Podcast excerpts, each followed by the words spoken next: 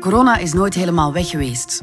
Maar hoe het virus nu huishoudt, is bijna ongezien. Pieken van 18.000 besmettingen op één dag, ziekenhuizen die overbelast zijn, scholen die langer sluiten, cultuur en sport die op slot gaan. De lockdown-gedachte is helemaal terug. Het lijkt wel alsof het weer maart-april is toen de ellende begon. Of zijn we nu toch beter gewapend tegen het virus dan toen? Het is dinsdag 27 oktober. Ik ben Lise Bonduel en dit is de podcast van de Standaard.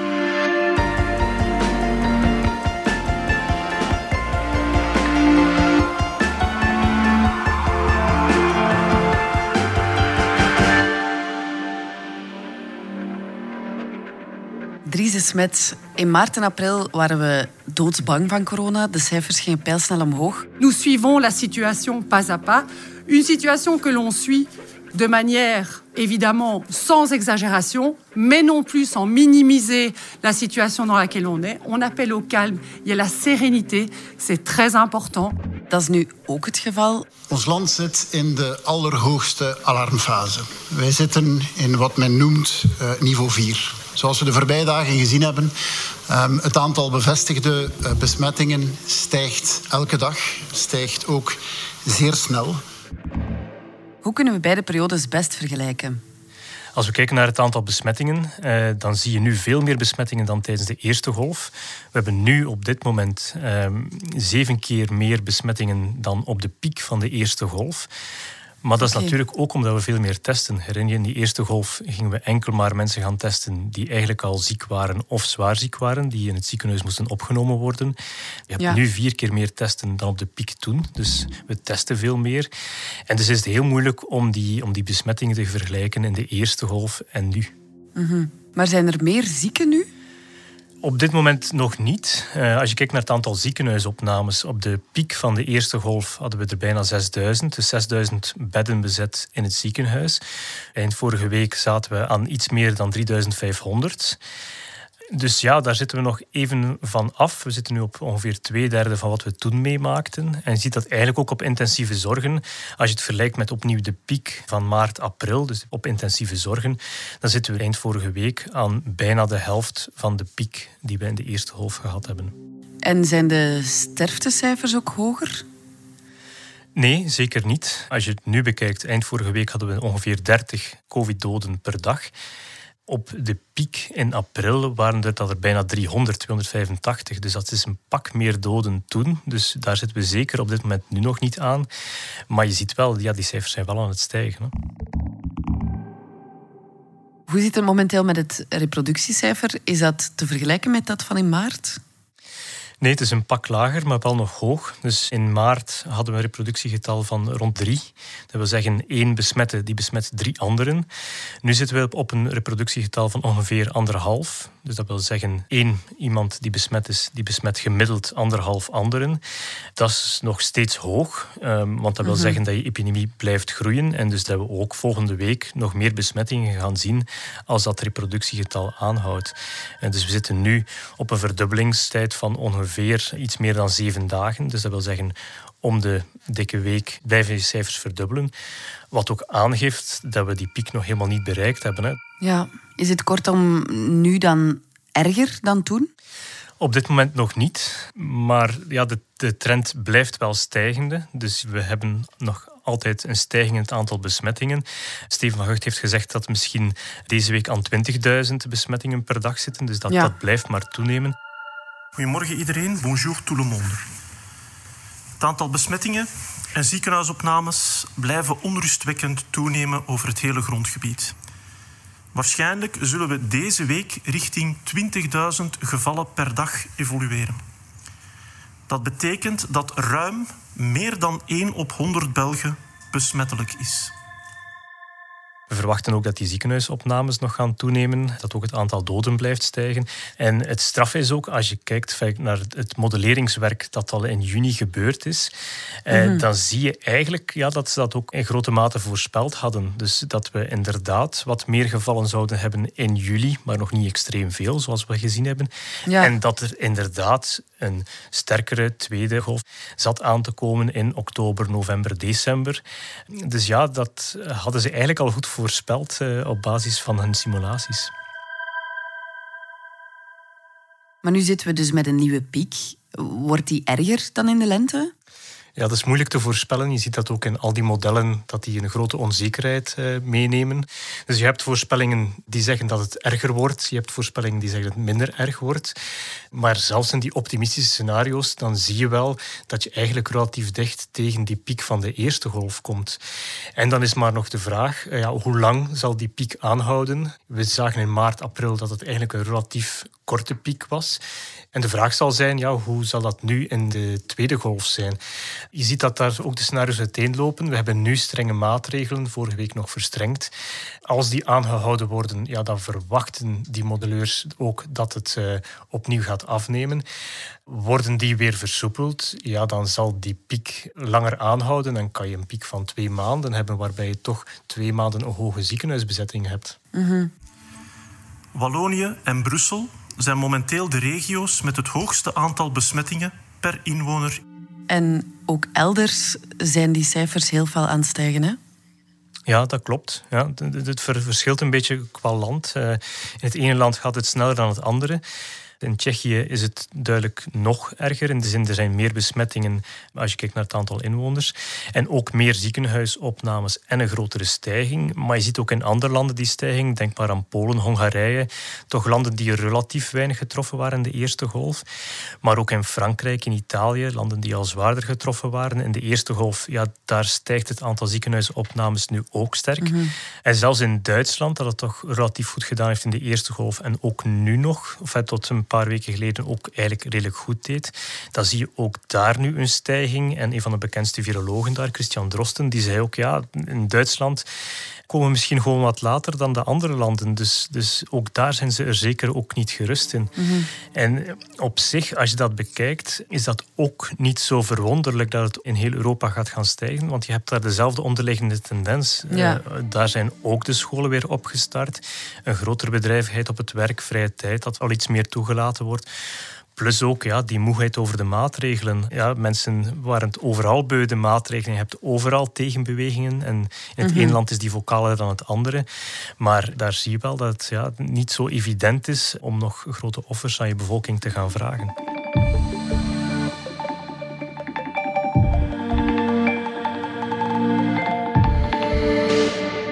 We zijn zo terug. Als je kunt starten met vandaag bij een organisatie gaan zeggen van oké, goed, we gaan een hoop van de beslissingen die op managementlagen of op CEO-levels naar beneden of op de werkvloer zetten, ja, gaat er heel veel veranderen. En alles beweegt. Een podcast waarin Vlaamse CEO's en prominente HR-managers vertellen hoe ze hun onderneming en werknemers in beweging houden. Beluister de reeks op jouw favoriete podcast-app. VDHB en alles beweegt.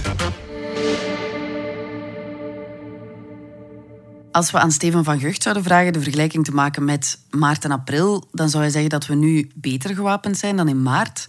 Hij verwijst dan ook onder meer uh, naar de contact tracing.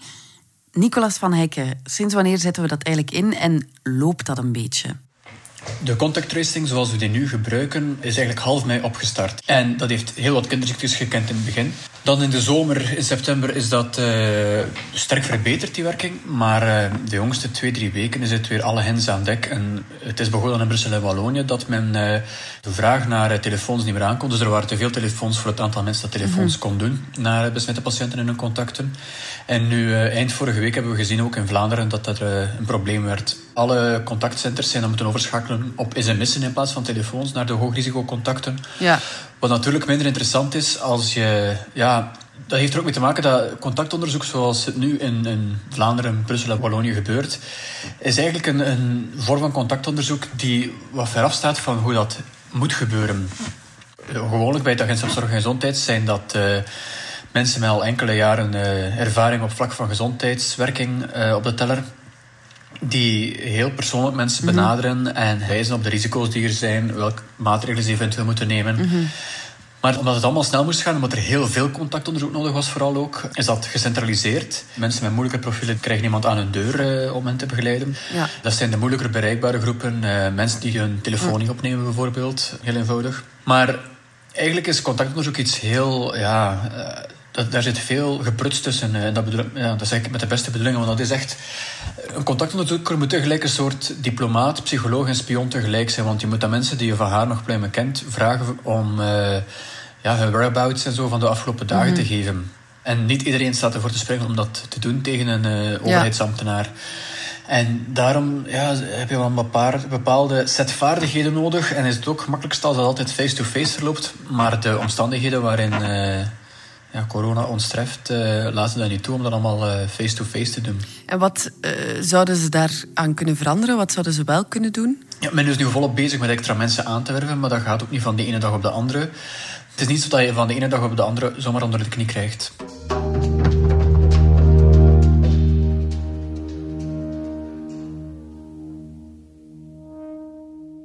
we testen nu ook veel meer. Hoe belangrijk is dat in die strijd tegen corona? Ja, tests zijn de eerste stap natuurlijk. Hè, want je kunt pas bijvoorbeeld contactonderzoek opstarten als je weet dat iemand besmet is. Dus uh, dat is de eerste stap van de eerste verdedigingsmuur. En in vergelijking tot de voorjaar wordt er inderdaad veel meer getest. Uh, ik heb net nog eens de meest recente cijfers bekeken. En Tussen 10 en 16 oktober werden er meer dan 55.000 tests per dag geanalyseerd. Dat is zeer veel. Het is ook gebleken dat dat tempo niet valt aan te houden. En uh, de teststrategie is daarom ook veranderd. Namelijk hoogrisicocontacten van uh, bevestigde gevallen, die worden niet meer automatisch getest. Mm Tenzij ze symptomen hebben. Hetzelfde geldt voor mensen die naar het buitenland zijn geweest, naar een rode zone, wat heel grote stukken van uh, Europa zijn. Ja. Die worden ook niet meer zomaar getest, uh, tenzij ze symptomen hebben. Dat zou heel wat druk van de ketel moeten halen. Ja, die, die beslissing heeft tot heel veel commotie geleid, omdat het is niet plezant om op een uh, hoogtepunt van een crisis testbeleid te moeten aanpassen. Hoe meer mensen kunnen worden getest, hoe beter. Maar de omstandigheden waren zo dat mensen van wie praktisch zeker was dat ze corona hadden, dat die veel te lang moesten wachten op het resultaat van hun test. En dat is een risico natuurlijk, want uh, tussen het afnemen van een test en het resultaat ervan moet men sowieso in quarantaine gaan. Mm -hmm. Als het dan drie, vier, vijf dagen begint te duren dat men in het ongewisse is, dan, ja, dan ondergraaft het systeem zichzelf eigenlijk. Dus is ervoor gekozen om nu alles op alles te zetten om die tests van mensen met symptomen zo snel mogelijk rond te krijgen, zodat dat duidelijk is of zij al dan niet uh, besmet zijn. Mm -hmm. En hoe zit het met de mondmaskers? Ja, dat is anders dan in het voorjaar natuurlijk. Die veralgemeende, allee, of, of uh, bijna algemene mondmaskerplicht op veel openbare plaatsen en zo. Het belangrijkste van zo'n mondmasker is misschien wel dat er ons aan herinnert dat we in een crisissituatie zitten. Mm -hmm. het is een feit dat het overdracht van, van speekseldruppels en zo wel beperkt. Mm -hmm. En kan je daar een percentage op plakken? Hoe effectief is een mondmasker? Er is niemand die daar een zuiver percentage op durft te plakken. Uh, ik denk ook dat we zouden schrikken. Het is altijd vrij lage percentage erop worden geplakt. Maar het is wel weer ja, een van de maatregelen in de strijd natuurlijk. Elk op zich zal niet helpen tegen het coronavirus, maar alles samen mm -hmm. moet het wel ertoe leiden dat we het zo snel mogelijk weer uh, ingeperkt krijgen. Een voorbeeld daarvan is de Corona Alert app bijvoorbeeld. Hè. Um, ja. Daarover is al al bijna van bij het begin van de pandemie in, in maart heel veel te doen geweest, wereldwijd. Uh, alle kranten en media hebben daarover bericht, uh, denk ik. En op de duur heeft dat een soort mythische proporties gekregen zelfs. Alsof dat met die corona-alert app, dat stukje technologie zou ons voor eens en voor altijd beschermen dan tegen corona. Maar dat is natuurlijk helemaal het geval niet. Wat doet zo'n app? Eigenlijk niet meer dan een klassieke contactonderzoek, maar op een geautomatiseerde manier.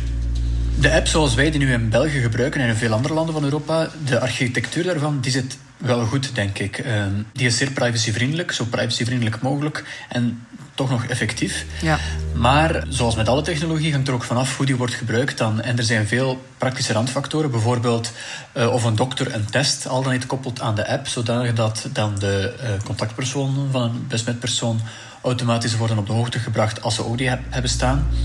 Een dokter moet dat doen, maar veel dokters hebben een buik ervan vol en die willen het voorkeur geven aan, aan de echte zorg eerder dan aan uh, constante administratie. Ja. Er zit er wel nog wel wat ruis op de lijn en de effectiviteit van de app op zich zou nog kunnen verbeteren als meer mensen hem downloaden natuurlijk, mm -hmm. uh, als dat mogelijk is. En als iedereen uh, ja, dan doet wat hij moet doen. Maar het is begrijpelijk dat dat uh, voor dokters niet altijd lukt, bijvoorbeeld. Ja, want ik zat uh, afgelopen week eigenlijk in quarantaine. Mijn huisgenote was positief getest. En volgens mijn corona-app krijg ik nog altijd groen licht. En er is geen blootstelling tot nu toe. Ja, we moeten elke case op zich bekijken. Maar het zou er kunnen op wijzen dat de app van jouw huisgenote niet is gelinkt aan haar test waardoor in haar app nooit zal staan of ze besmet is of niet. Maar ja, uiteindelijk, Lise, je zat in quarantaine. Hè. Dat was het belangrijkste. Dat is de... ja, je, je wist dat uh, je huisgenoot besmet was en je hebt de maatregelen genomen. Kun je dat je zelf ook bent getest? Ja. ja. Dat dat nodig was. Dus ja, met of zonder die app uh, heb je gedaan of is er gebeurd wat moest gebeuren. Um, en met de app zal dat, uh, ja, heb je dan iets dat je in de hand kan houden om jou te zeggen wat je moet doen. Ja. Dat is het verschil misschien dan. Maar het is maar een element in heel, die, uh, heel dat scala aan maatregelen en, uh, en zo. Mm -hmm.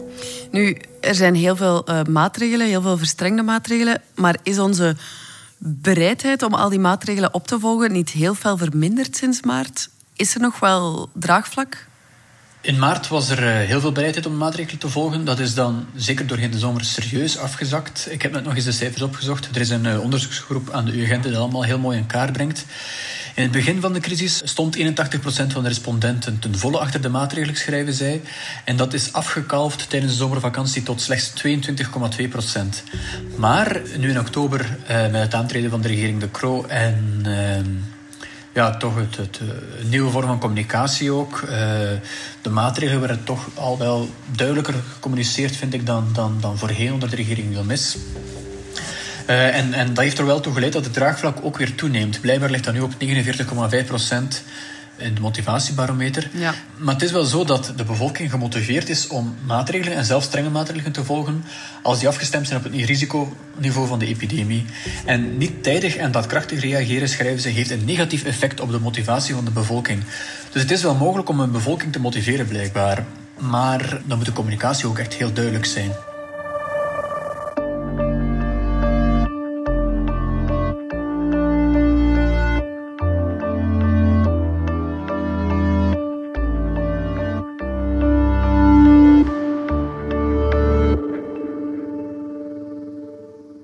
Van den Einde, ondertussen leven we al een paar maanden met het virus. Hebben we veel bijgeleerd intussen over de behandeling van de ziekte? Uh, we hebben heel veel bijgeleerd over de behandeling van de ziekte, maar dan vooral over zaken die niet werken. Mm -hmm. Tot op vandaag is er nog altijd geen medicijn waarmee de ziekte genezen kan worden. Er zijn wel medicijnen waarmee artsen de symptomen een beetje kunnen dempen. Mhm. Mm -hmm. Maar een medicijn dat het virus uit de weg ruimt, hebben we nog altijd niet. Mm -hmm. En welke uh, symptomen kunnen we dan wel al bestrijden? Bijvoorbeeld, wat artsen al heel vroeg uh, in het begin van de epidemie hebben gedaan, is mensen zuurstof bijgeven. Een van de symptomen van de ziekte is dat mensen kortademig worden en, en benauwd en, en Mhm. mm -hmm. niet genoeg uh, lucht krijgen.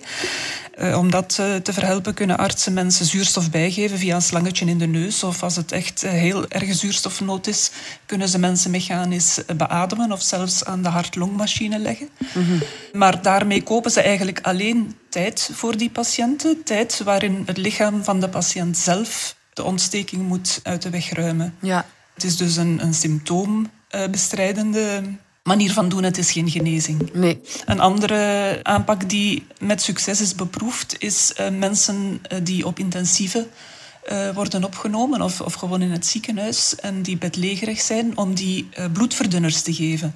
Want een van de gevolgen van deze ziekte is dat mensen heel gauw bloedklonters uh, krijgen in hun vaten. En als zo'n bloedklonter dan ergens vast komt te zitten in de longen of in de hersenen, kan dat uh, heel ernstige en zelfs fatale gevolgen hebben. Dus daarom geven artsen patiënten uh, in het ziekenhuis preventief bloedverdunners om te voorkomen dat die stolsels optreden. Dat zijn zo'n aantal zaken Ja. die, waarvan we nu weten dat het uh, helpt om erger te voorkomen. Ja. Maar middelen tegen het virus zijn dat dus niet. Mhm.